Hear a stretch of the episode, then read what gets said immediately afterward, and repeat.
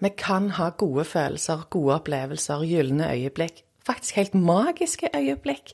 Vi kan være lykkelige selv om livet gjør vondt.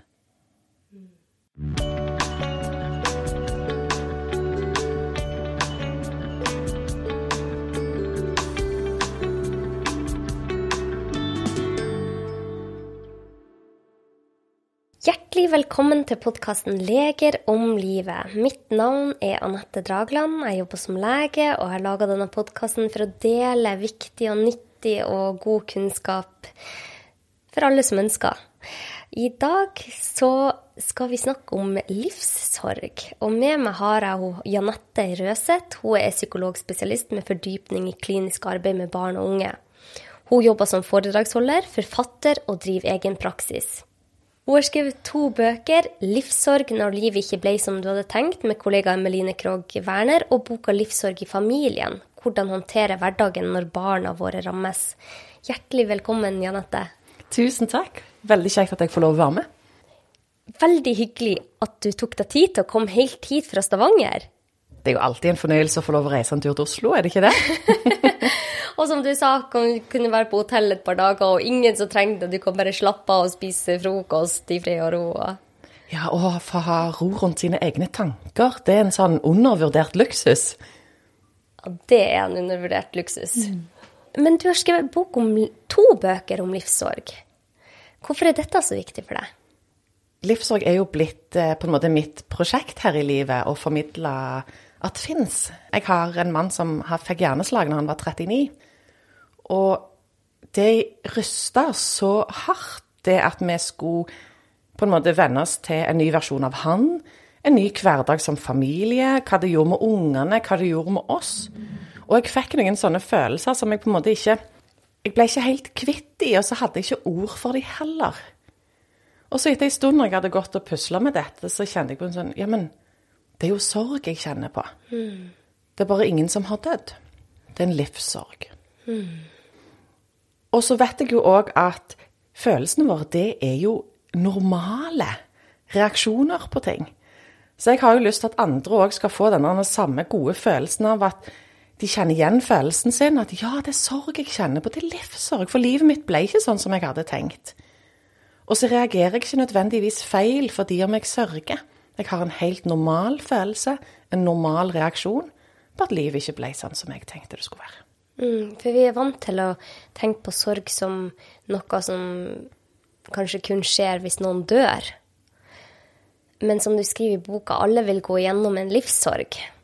Ja, for det er jo ikke sånn at vi slipper unna livets smerte, noen av oss. En eller annen gang i løpet av livet så vil det skje ting som gjør at det blir vanskelig å være deg. Mm. Sånn noen de opplever mange ting, noen lite. Men alle skal vi gjennom vonde ting.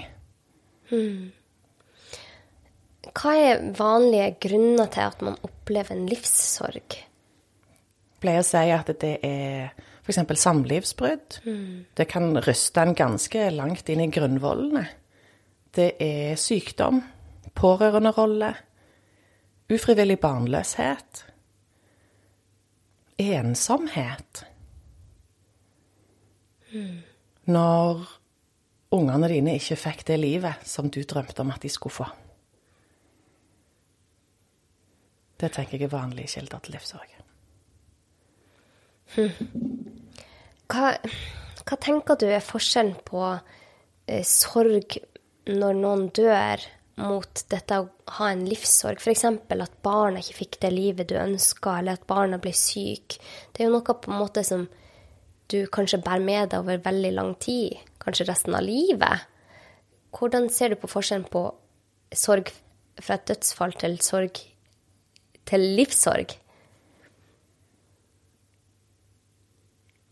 Det er et vanskelig spørsmål, for um, noe sorg er jo livslang. Mm. Men det heter jo at sorg etter dødsfall etter hvert skal gå over i savn. Og at det er savnet du bærer med deg gjennom livet.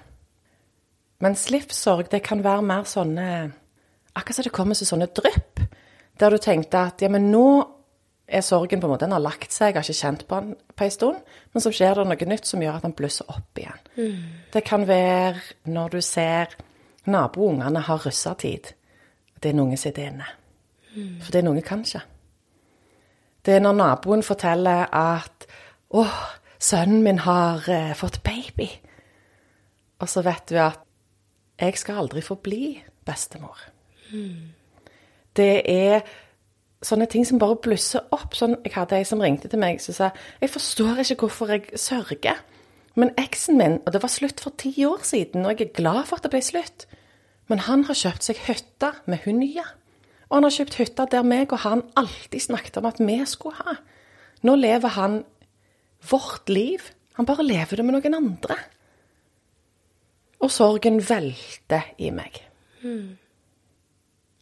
Tenker du at det er noe viktig i denne livssorgen òg, eller er det bare negativt? Jeg tenker jo at eh, alle følelser er viktige beskjeder som forteller oss om behov vi har. Og som kan fortelle oss om at ting betyr noe for oss. Så jeg tenker jo at følelser, enten det er sorg eller andre vonde følelser, skal få lov å være når de kommer. Ta imot de, gi deg sjøl lov til å sørge. For hvis du gir deg sjøl lov til å ha følelsene dine, så går de fortere over, de roer seg ned igjen. Og går tilbake igjen til en vanlig, nøytral modus som vi ofte går rundt i. Mm, det er fint at du sier. For det, det er jo litt sånn at samfunnet kanskje litt eh, Jeg har sagt det før i podkasten at samfunnet er litt tilrettelagt for at vi skal hele tida ha det bra, vi skal være lykkelige, vi skal liksom streve mot det der eh, stedet der vi endelig er lykkelige hele tida, har det bra hele tida. Men livet er i opp- og nedturer, og det vil det være resten av våre liv. Vi vil ikke kunne leve bare på en sånn sky av lykke. Og det å kunne kjenne på følelser som er vond, til og med tillate seg å kjenne på en sorg for at livet ikke ble sånn som du ville, at det er noe godt med det òg. Ja, jeg tror det at eh, hvis vi tar de beskjedene som vi får eh, på alvor, anerkjenner de, møter oss sjøl med vennlighet i de, så får vi mer av de der gode følelsene òg. Og så er det jo ikke sånn at du er i én følelse hele tiden. Vi er innom alle følelser. Kan egentlig beskrives som sånne pendler som hele tida svinger. Så er du i sorg, så vil du svinge innom den, men du svinger òg ut. På samme måte som de gode følelsene. Sant? Vi går jo ikke rundt og er lykkelige hele veien. Det, det går jo faktisk ikke an. Vi greier bare å være innom en følelse en liten periode av gangen. Og da er det òg viktig å vite at ja, men sjøl i sorgen så kan jeg òg ha glimt av lykke. Et av de fineste stunden jeg noen gang har hatt, der jeg kjente på sånn skikkelig lykkefølelse, det var eh, rett etter mannen var skrevet ut fra eh, intensiven, og så lå han på slagposten. Eh, så sneik jeg meg av gårde opp til han, det var lørdagskveld. Han mista mesteparten av synet, så han kunne ikke se. Og lyset var ganske ubehagelig for den både restsynet han hadde. Så vi skrudde av alt lyset i rommet. Og så laget vi bitte litt plass opp i sykehussenga og fikk ålt han inn liksom til sides, og så lå jeg i armkroken hans. Helt i mørket, i stillhet, og bare liksom kjente varmen. Den fæleste tida i hele mitt liv inneholder òg noen utrolig sterke, veldig fine øyeblikk. Åh, det er sterkt. Mm. Du skriver jo at vi trenger å hvile i livssorgen. Hva, hva legger du i det? Gi deg sjøl tid til å være i den. Vi har en tendens til å ha det så travelt i møte med vonde følelser. Jeg må skynde meg å få dem vekk, og skynde meg å gå over i en god følelse. Men hvis vi skynder oss i møte med følelsene, så kan vi gå glipp av det følelsen prøver å fortelle oss. Og en følelse som dyttes i den der berømmelige skuffen, sånn, alle har liksom en skuff der vi legger det der vonde i, den går ikke over av seg sjøl. Den blir liggende og skaper støy og uro som da vil stjele av de gode følelsene etterpå.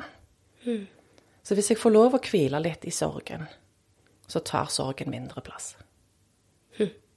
Hvordan, hvordan kan man hvile i sorgen?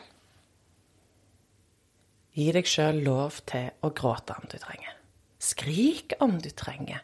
Og trenger du å brøle, ja, men så brøl! Det er helt lov.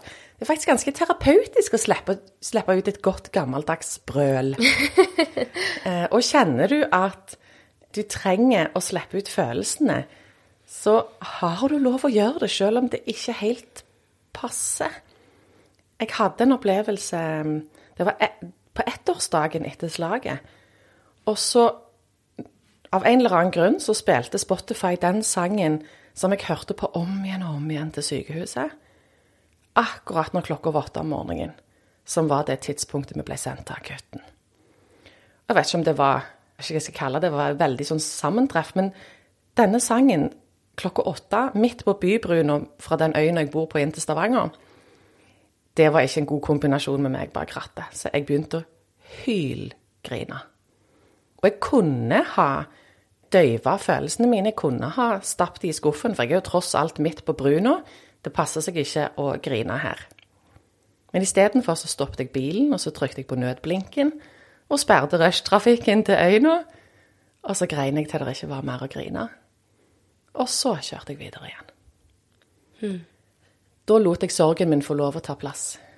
Jeg gjemte den ikke vekk, selv om han er smertefull, men jeg lot han få lov til å bare være der. Fordi det var jo det kroppen fortalte meg, at jeg har en smerte på innsida, og den trenger å slippe ut akkurat nå.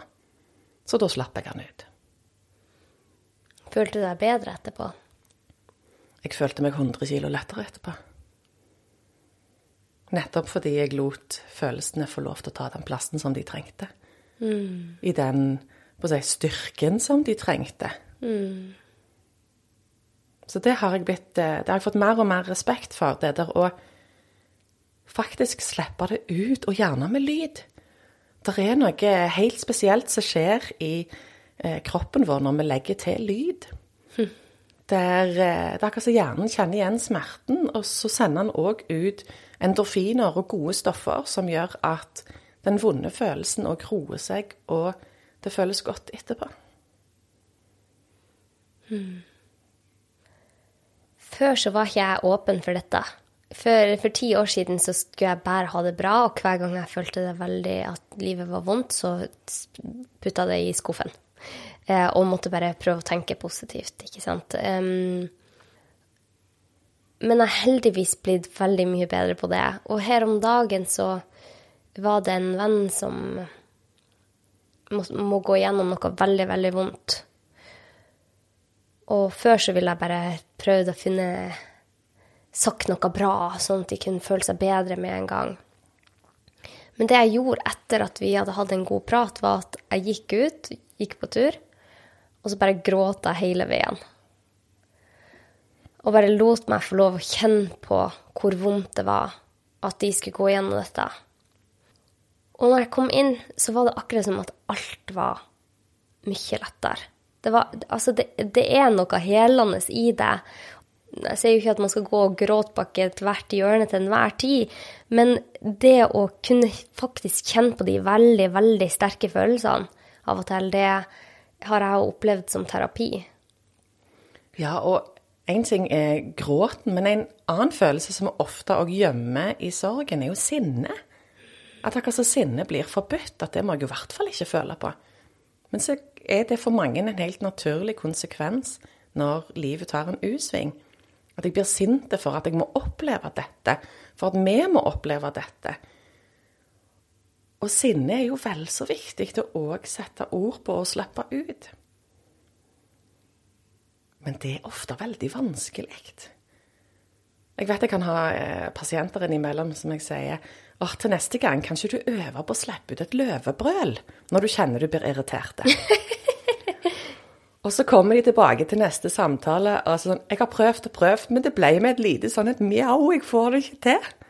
Fordi at sinne gjemmer meg på samme måte som andre vonde følelser. Mm. Så jeg tenker, kjenner du på en følelse, ta beskjeden på alvor og gi kroppen det kroppen trenger. Mm. For det du skriver i boka, er at man kan jo ha det godt til tross for alt det vonde som skjer. Men du skriver veldig godt i bøkene dine om hvordan vi kan få det bra til tross for at man også bærer mye på en sorg.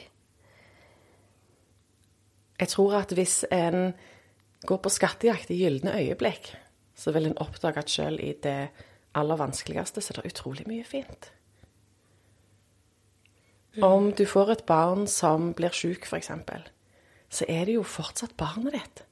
Som sier rare ting, som gjør rare ting, som har den fineste latteren i universet, og som er litt, som er litt teit, og av og til litt barnslig, og tenker 'Å, gud, måtte du arve det fra meg?' Eh, som er på en måte hele den der fine cocktailen som barnet er. Og så skal vi gjøre en reise sammen som ingen av oss egentlig har lyst på. Men det er fortsatt oss som reiser. Du beskriver veldig fint eh, om flamingoen. Kan ikke du fortelle om det? Det kan jeg. Jeg pleier å si at livssorg det er litt som å være på vei til drømmestedet ditt, der du tenker at åh, der er det vi skal være. Sånn er det vi skal ha det. Men så når du sitter på dette flyet på vei til drømmestedet ditt, så får du beskjed om at beklager, men det har skjedd en feil, og vi kan aldri fly deg til drømmestedet ditt. Med nødlandet på et helt annet sted istedenfor. Så ikke får du reise til drømmestedet ditt, men du får heller ikke lov å reise hjem igjen til der det var før. Du er nødt til å forholde deg til noe nytt. Et nytt landskap, et nytt sted å være. Og i dette nye landskapet så får du òg beskjed om at nå skal du leve livet som flamingo. Og flamingoen, i hvert fall min første tanke når jeg tenker på en flamingo, er eh, rosa, vakker, fine fugl. Svære flokker med rosa Og jeg tenker liksom åh, vakkert. Men hvis du undersøker litt om flamingoene, så vet du at de hekker i noen av verdens tøffeste omgivelser. Og flamingoene de er i utgangspunktet født hvite. De får fargen sin fra maten de spiser. Det er akkurat som jo mer mat de får i seg, jo sterkere blir fargene. Men når flamingoene bestemmer seg for å stifte familie, så skjer det noe. For det er så krevende for flamingomammaen at hun på en måte blir helt hvit igjen. Hun ofrer fargene sine for barnet sitt. Og så er det så krevende å skal mate flamingobabyen etterpå. Så hun bruker opptil tre år på å få fargen sin igjen. Og Det som skjer når du er hvit som flamingo, det er at da får du ikke delta i flokken sånn som du gjorde før. For ritualene flamingoen har, de bygger på at det kun med de sterkeste fargene som får være med. Så i den perioden så er du utestengt av flokken. Men hvordan blir det da hvis du får et barn som strever, som blir sjuk, der det tar lang tid, der det hele tida er noe som krever, og du aldri får fargene igjen? Eller kanskje du opplever at å, nå har det gått fint en periode, og du kan ane et lite hint av rosa ytterst i vingene, men så skjer det noe nytt som gjør at nei, der forsvant fargene mine igjen. For hva gjør det med oss å leve som hvite flamingoer på sida av alle de rosa? Og hva gjør det med en familie når vi er en flokk med hvite flamingoer sammen? Ja, det der er ikke lett. Det var veldig beskrivende, veldig godt eh, beskrivende når man går gjennom en sorg. Eller noe skjer med familien som gjør at hele familiekonstellasjonen blir annerledes etterpå. Ja, for foreldre f.eks. har jo ikke så avanserte drømmer for sine barn. Vi ønsker jo at de skal ha det bra. At de skal få vanlige liv. At de skal ha venner. At de skal få til skolen sånn noenlunde greit og kjenne på mestring. At de skal få lov til å begynne på videregående det de måtte ha lyst til. Få den utdanningen de måtte ha lyst til. Få seg kjæreste. Kjøre bil. Få barn en eller annen plass uti der. Sånn helt vanlige liv. Og så noen ganger så kan det føles helt umulig å få det til. Og det gir sorg. Men da hjelper det ikke bare med den ene gråten. For det er jo noe som vil være med barnet hvis de blir f.eks. alvorlig syke eller eh, utfor en ulykke og blir lam, eller sånne alvorlige hendelser, da. Da er det jo noe de må Som foreldre må man ha det med seg. Det er jo der. Jo, men òg hvis det er et barn med ADHD, barn med diabetes, barn med alvorlig dysleksi. Sånn, Det er så mange ting som gjør at vi ser ungene våre streve. og der det hele tida krever ekstra av oss som foreldre. Og da tenker jeg nei, det holder gjerne ikke med den ene gråten. Kanskje må jeg gi meg sjøl gråtelov ofte. Noen lager seg til og med en liten krok i huset, så de vet at der, der er min krok, der skal jeg gå og slippe ut følelsene. Som gjør at eh, jeg trenger ikke at følelsene mine er rundt omkring i hele huset, men jeg trenger at jeg har et sted som er mitt. Mm. Andre bruker bilen. Jeg bare kjører meg en tur, og så parkerer jeg et sted der jeg vet jeg er i fred, og så blir det bilen som får følelsene. Så det å lage seg strategier over tid for å slippe ut vonde følelser, er lurt når belastningen ikke er kortvarig, men du vet at dette skal jeg stå i, jeg skal stå i det lenge. Mm. Og så er det jo da òg å finne strategier for OK, hvis dette skal vare i 10 år, 20 år, hvordan skal vi ha det bra på tross av? Hvordan skal vi jakte på gylne øyeblikk? Hvordan skal vi snakke om det som skjer?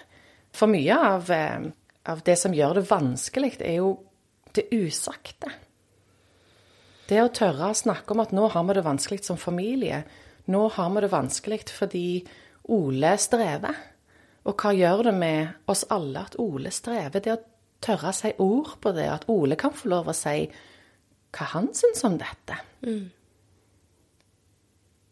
Jeg syns ofte det er veldig fint eh, når en som familie setter seg ned og tegner sammen. Så kan alle få tegne liksom, i hvert sitt hjørne. Hvis du får tak i sånne svære, svære ark som de har på Ikea.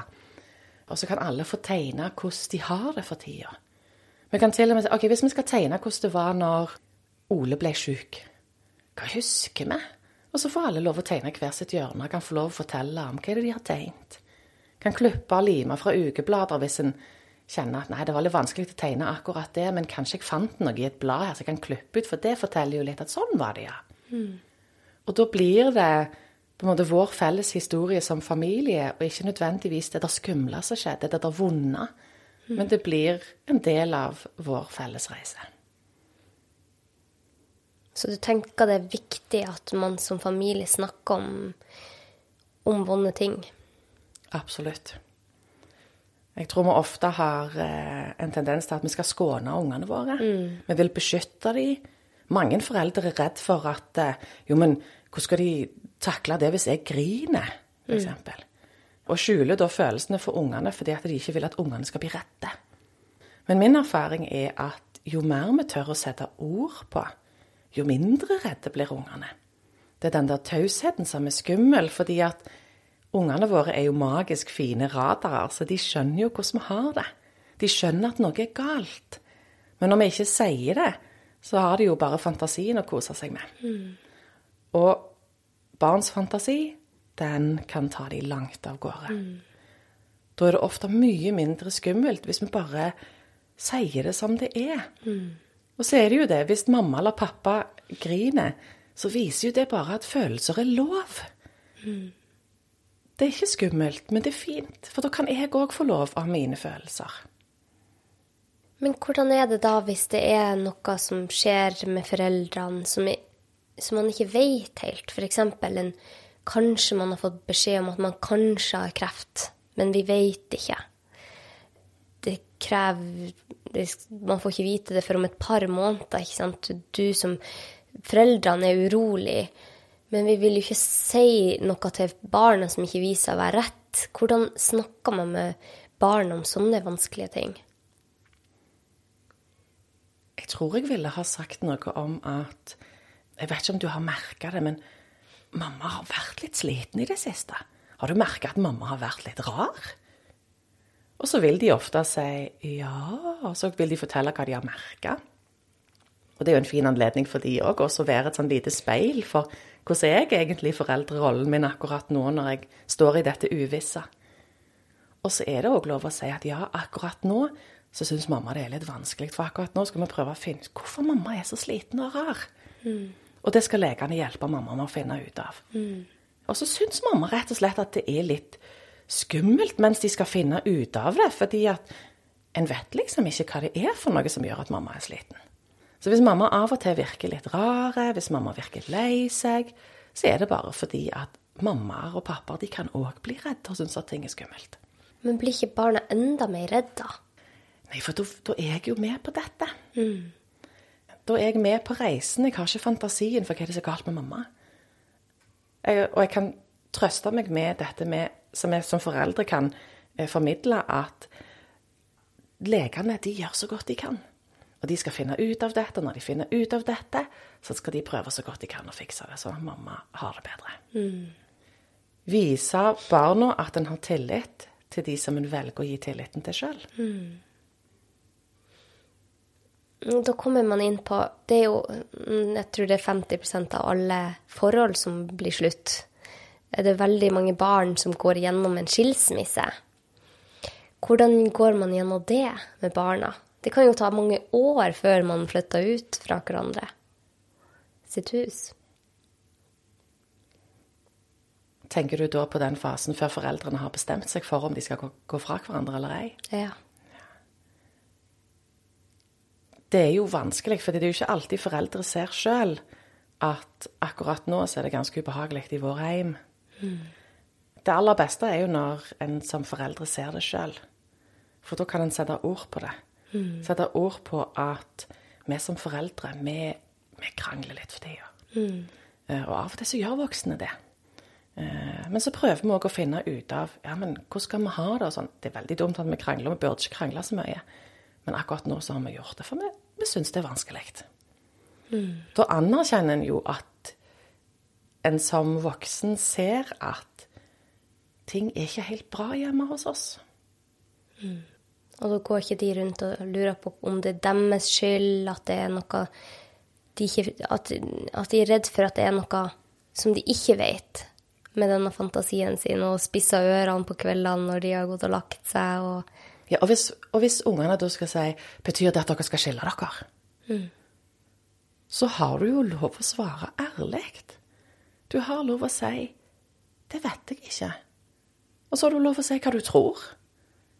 Og veldig ofte i den fasen, når en ikke vet, så tror en jo at det skal gå bra. Det er jo derfor vi er i den fasen så lenge, for vi har jo håp om at ting skal ordne seg.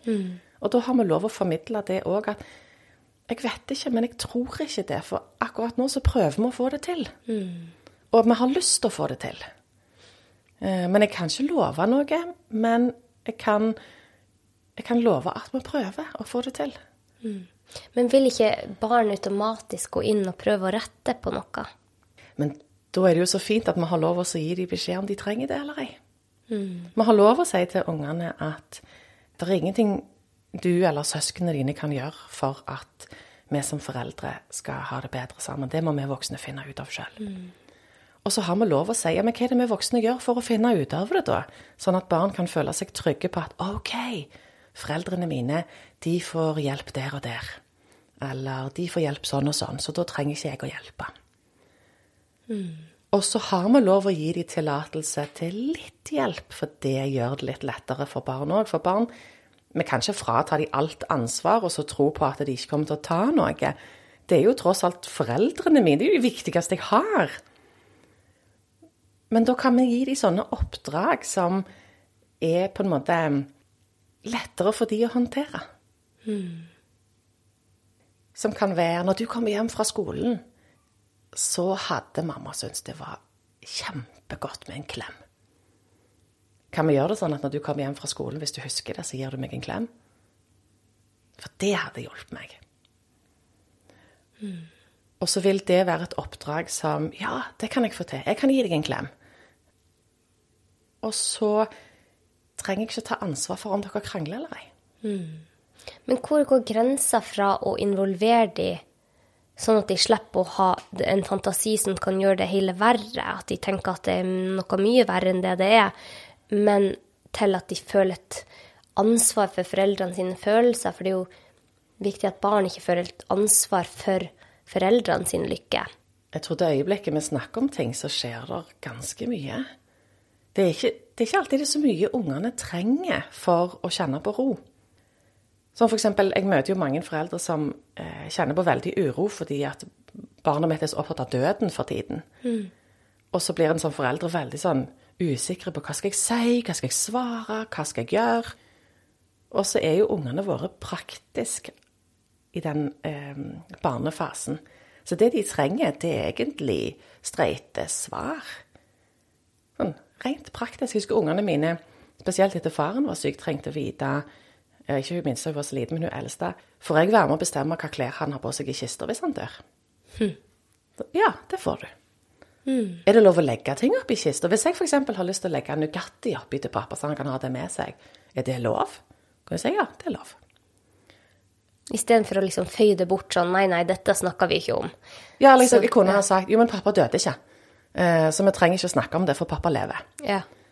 Så tok jeg på alvor at jo, men dette er hun opptatt av, dette grubler hun på, hun har tenkt, så må jeg møte henne. Mm. Men hun trenger ikke lange filosofiske samtaler om liv og død. Mm. Hun trenger bare de der praktiske avklaringene, og det er det ungene vil ha, mm. fram til de blir ganske gamle. Så min erfaring er at vi trenger ikke å være så redd for de der samtalene, for det er ikke alltid så mye som skal til, mm. hvis vi bare tør å ta i det de lurer på eller er opptatt av. Mm. Ja, jeg syns det er så fint. For det blir noe annet enn å drive og involvere de, prøve å støtte seg på barna, for det blir jo helt feil. Men å involvere dem i vanskelige ting, og livet skjer, og livet er tøft, og plutselig så er bestefar syk, eller tante går bort, ikke sant. Det, det skjer ting og det å møte dem med alle de tankene og de spørsmålene de har. Jeg syns det er så fint at du deler dette. Jeg tenker vi, vi må jo de, Vi er jo en del av den samme flokken. Vi er jo et skjebnefellesskap, hele familien. Mm. Og hvis deler av flokken ikke skal vite hva som skjer, så blir jo det helt feil. Mm. Og da blir det òg helt umulig å vite hva som egentlig foregår.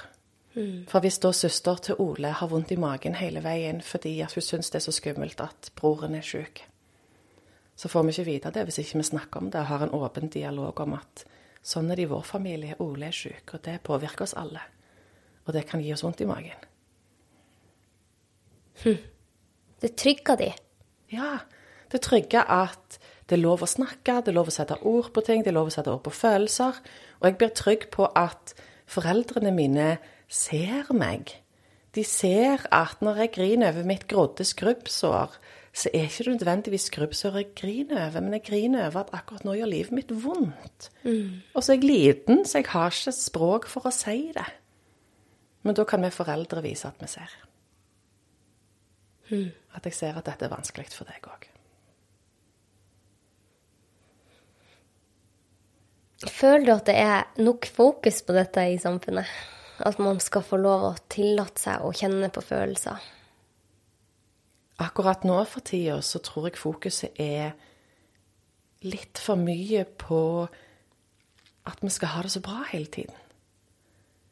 Det er blitt så stort fokus på de gode følelsene at vi har mista fokus på at vi har faktisk flere av de vonde. Og det er jo fordi at vi opplever faktisk mer vondt enn vi opplever godt. Hm. Og at vi trenger at hele spekteret får lov å ta plass. Jeg pleier å si at livssorg og livsglede går hånd i hånd. Fordi at livet er både òg. Det er de verste øyeblikk og det gylne øyeblikk. Det er en pendel som svinger fra den ene følelsen til den andre. Og det er livet som akkurat nå er bare alt på plass. Og så smeller det. Mm. Men jeg tenkte å ta opp noe konkret som jeg har fått veldig, veldig mange spørsmål om. Og det er ufrivillig barnløshet. Det er mange som går rundt og er ufrivillig barnløs. Hvordan møte den sorgen? For disse menneskene, de har prøvd og prøvd, og de har prøvd alt. Og så kommer de til et visst punkt der de velger å si at det var De skal leve uten barn men de vil jo for alltid bli påminnet om at de ikke har barn. Og åpenhet tror jeg er en nøkkel. Det tror jeg egentlig er en nøkkel nesten hva det er en strever med. For mange syns jo det er vanskelig med at en ikke blir møtt med forståelse at dette er vondt for meg. Samtidig som vi er jo verdensmestere i å si at det går greit. Mm. Vi er verdensmestere i å holde de vonde følelsene for oss sjøl.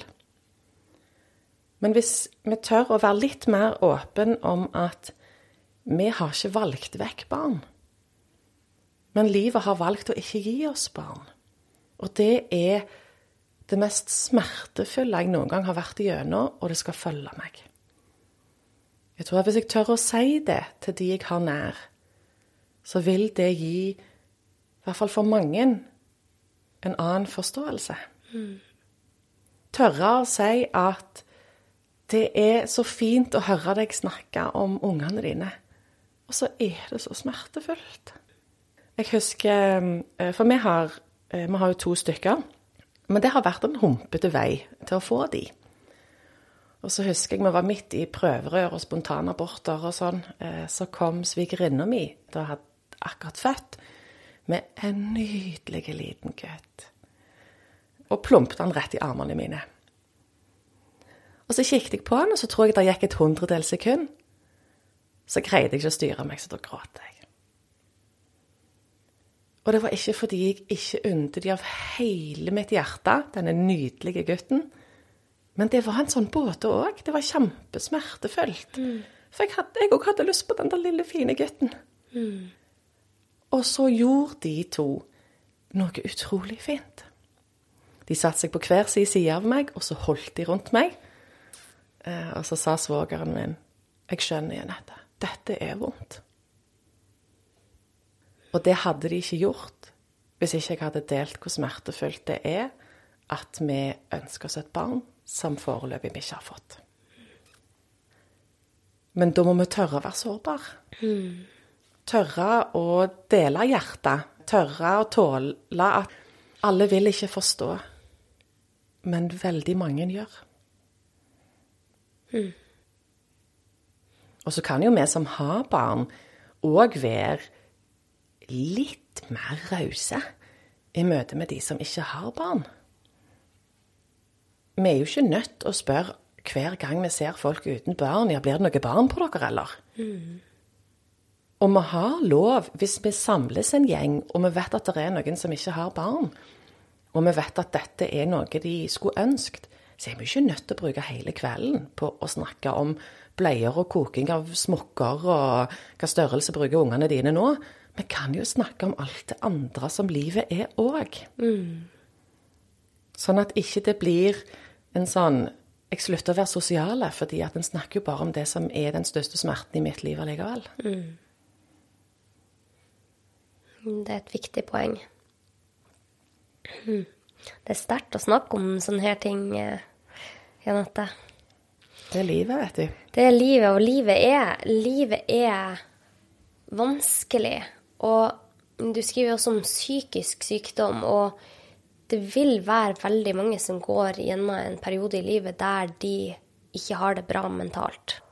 Og hvis man er foreldre og har flere barn, så er sannsynligheten ganske stor for at en av de i løpet av livet kommer til å ha en veldig vanskelig periode. Om det er psykisk sykdom eller barnløshet eller ufrivillig barnløshet eller det, det vil alltids være noe. Hvordan kan vi som foreldre takle det best mulig? Jeg tror en viktig bit er å ikke eie den andres smerte. Vi skal være til støtte for våre barn. Vi skal være rause, vi skal være medfølende. Vi skal gi dem av vår kjærlighet og den hjelpen som vi kjenner at vi har kapasitet til å gi. Men så skal vi òg passe på å skille mellom barnet mitt sine følelser og mine følelser. Det hender jo at vi går i den fella og eier den andres smerte. Mm. Og da får vi dobbelt opp. Da får vi den der hjertesmerten av at barnet mitt ikke har det bra, og så legger vi barnets smerte oppå der igjen. Vi må tørre å legge barnet vårt sin smerte oppi på en måte den korgen som heter barnet mitt. Mm. Og så skal jeg eie min smerte over at mitt barn ikke har det bra. Men hvordan gjør man det? Jeg tror jeg ville Jeg er veldig glad i skriveterapi. Hver gang hvis jeg er i tvil om et eller annet, så skriver jeg ned. For det er akkurat som jeg sorterer annerledes da. Det viser jo forskning òg, at med penn og papir, altså ikke mobilen eller PC, men med penn og papir så sorterer hjernen på en annen måte. Så når jeg er usikker om det er tanker eller følelser, så skriver jeg ned. For da er det akkurat så det er litt lettere å se òg hva er mitt, og hva er ikke mitt. Og det, det er en fin metode hvis du er usikker på om jeg bærer barnet mitt sin smerte. Akkurat nå har hun eldste mi kjærlighetssorg. Og det er fryktelig vondt at hun har det, eh, å høre på hennes smerte.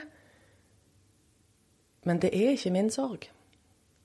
Min jobb som forelder er jo òg å passe på at jeg ikke går inn i hennes sorg. For hvis jeg hadde gått inn i den, så hadde jeg ikke kunnet være den som har overblikket, som òg kan med trygghet si at dette går over. Mm. Ja, det er kjempevondt akkurat nå. Det er en av de vondeste følelsene vi har. Men det går over. Det kommer til å bli bra igjen. Du kan til og med risikere at du finner en ny partner igjen. Men det kunne jeg ikke ha sagt hvis jeg følger følelsene. Jeg skal anerkjenne dem, jeg skal vise empati og forståelse, og så skal jeg holde overblikket. Gir det mening? Mm. Ja, jeg syns det er veldig fint. Og, og, det å kunne ha et overblikk Jeg snakka med ei som heter Lene Hoffmann, som er familieterapeut og jobber med Jeg jobber på en, eh, et rusbehandlingssenter. Og jobber med avhengighet. Og så har hun familieuke der familien kommer. Og hun forklarte meg begrepet medavhengighet. At man blir avhengig, vi òg. Gjerne som foreldre særlig, eller søsken, eh, når noen er avhengig. Og det hun la i det, var jo at vi går gjennom akkurat det de går gjennom. Og man prøver å beskytte dem ved å bære alle deres smerter og gjøre ting vi aldri før ville ha gjort. Men siden det dreier seg om barnet, så går man et skritt lengre, og så det, går man altfor langt for å hjelpe noen som sliter. Og det er litt sånn, tenker jeg, det du òg sier, at hvis jeg går inn i sorgen til noen som står meg nær, så vil jeg både ha min sorg for at det har skjedd, men også bære deres sorg. Og da blir det veldig Det blir veldig vanskelig å kunne være til hjelp, da. Og det blir vanskelig å se Det blir vanskelig å se håpet. Fordi at de vonde følelsene blir så tunge når vi skal mm. bære andres i tillegg til våre egne. Og håp er en utrolig viktig drivkraft i det mm. som gjør vondt håpet om at OK, så er vi, nød, vi på feil sted, og så er vi flamingoer. Og vi er hvite. Men det betyr ikke at det skal være sånn for alltid. Det betyr bare at det er sånn nå. Mm. Og det er håp om hvor vi skal hen etter hvert. Mm. Men hvordan går man videre fra det stedet, da? Man har vært igjennom noe tøft. Man har kjent på følelsene. Men man har også mye bekymringer for framtida og mye tanker som tar over. Hvor, hvordan går man videre fra å være den eh, hvite flamingoen til å kanskje begynne å få farge igjen? Vi må begrense hvor mye vi er i det vonde. Eh, når du nevner dette med tanker, eh, det er jo helt naturlig at vi blir engstelige, at vi bekymrer oss, at vi grubler.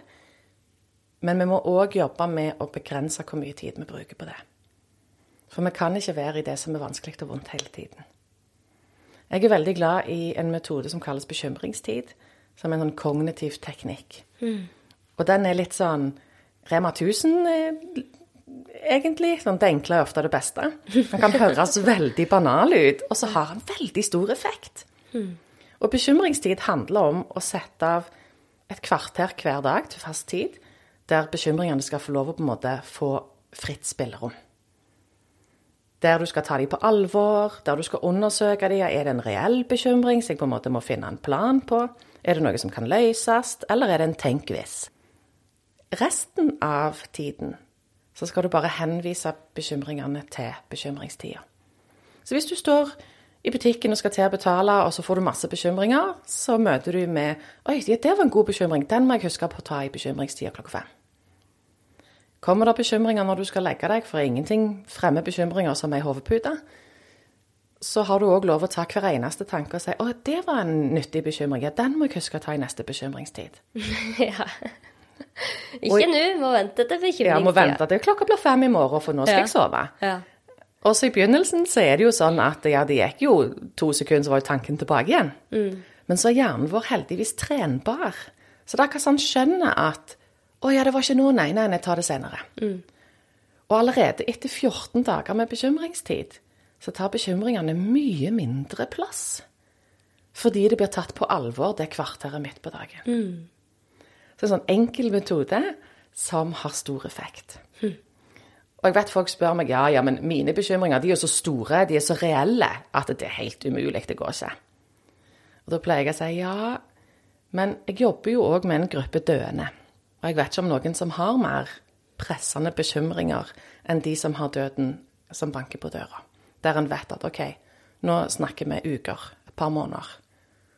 Men sjøl der virker bekymringstid. Sånn at døden tar mindre plass, og da blir det mer plass til livet. Og jeg tenker, virker det for de, så kan det virke for hvem som helst. Så nå har vi vært innom dette med å kunne kjenne på følelsene. Det er jeg veldig glad for at du er så tydelig på at eh, vi skal kjenne på de følelsene vi har, om det er skam eller sorg eller glede. Tillate oss å kjenne på alle de. Og så har du snakka om dette med at vi kan snakke med barna våre. Vi trenger ikke å legge noe sorg over på de, men barn de har en direkteforbindelse til følelsene til oss foreldre. Og bare kunne gi de noen avklaringer, fordi de har sine tanker og følelser som de trenger å få anerkjent.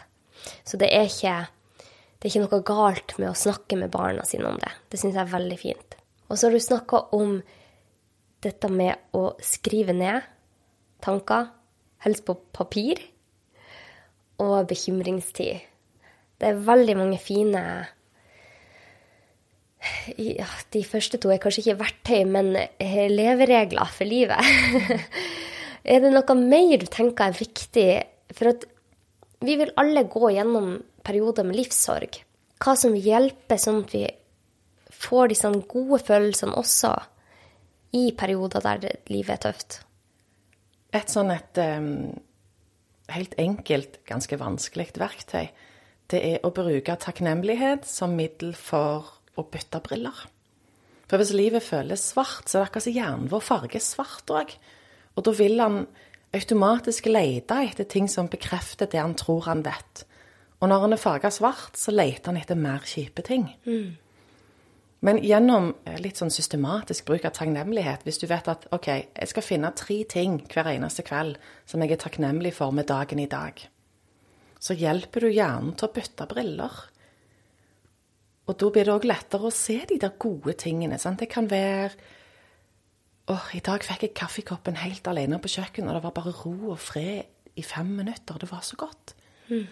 Eller de minuttene jeg satte meg ut på trappa og bare tok noen sånne gode, dype pust, da kjente jeg at åh, da slapp jeg av.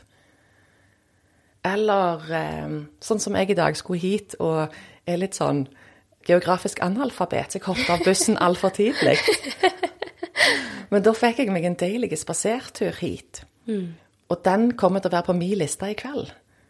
Jeg kunne irritert meg fordi at jeg ikke hoppet av på rett sted og jeg måtte gå langt. Men det var utrolig godt å gå det stykket. Så det å hjelpe oss sjøl til å se at det fins noen sånne små drypp gjennom hele dagen, der en kjente at der slapp jeg av, der var det godt å være meg, der lo jeg gjerne til og med litt. Eller der fikk jeg et godt blikk fra en kollega, omsorg fra en nabo. Eh, Jeg så noe kjekt på TV som gjorde at eh, ah, i den stunden så var det ikke så vondt å være meg.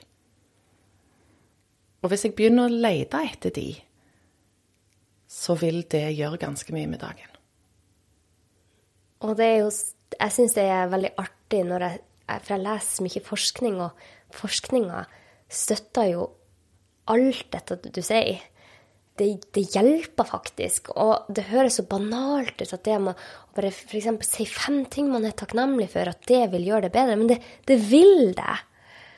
eh, En må bare minne seg sjøl på at det er ikke sånn amerikansk thanksgiving. Det er ikke liksom krig og fred og tak over hodet, for det blir liksom så stort.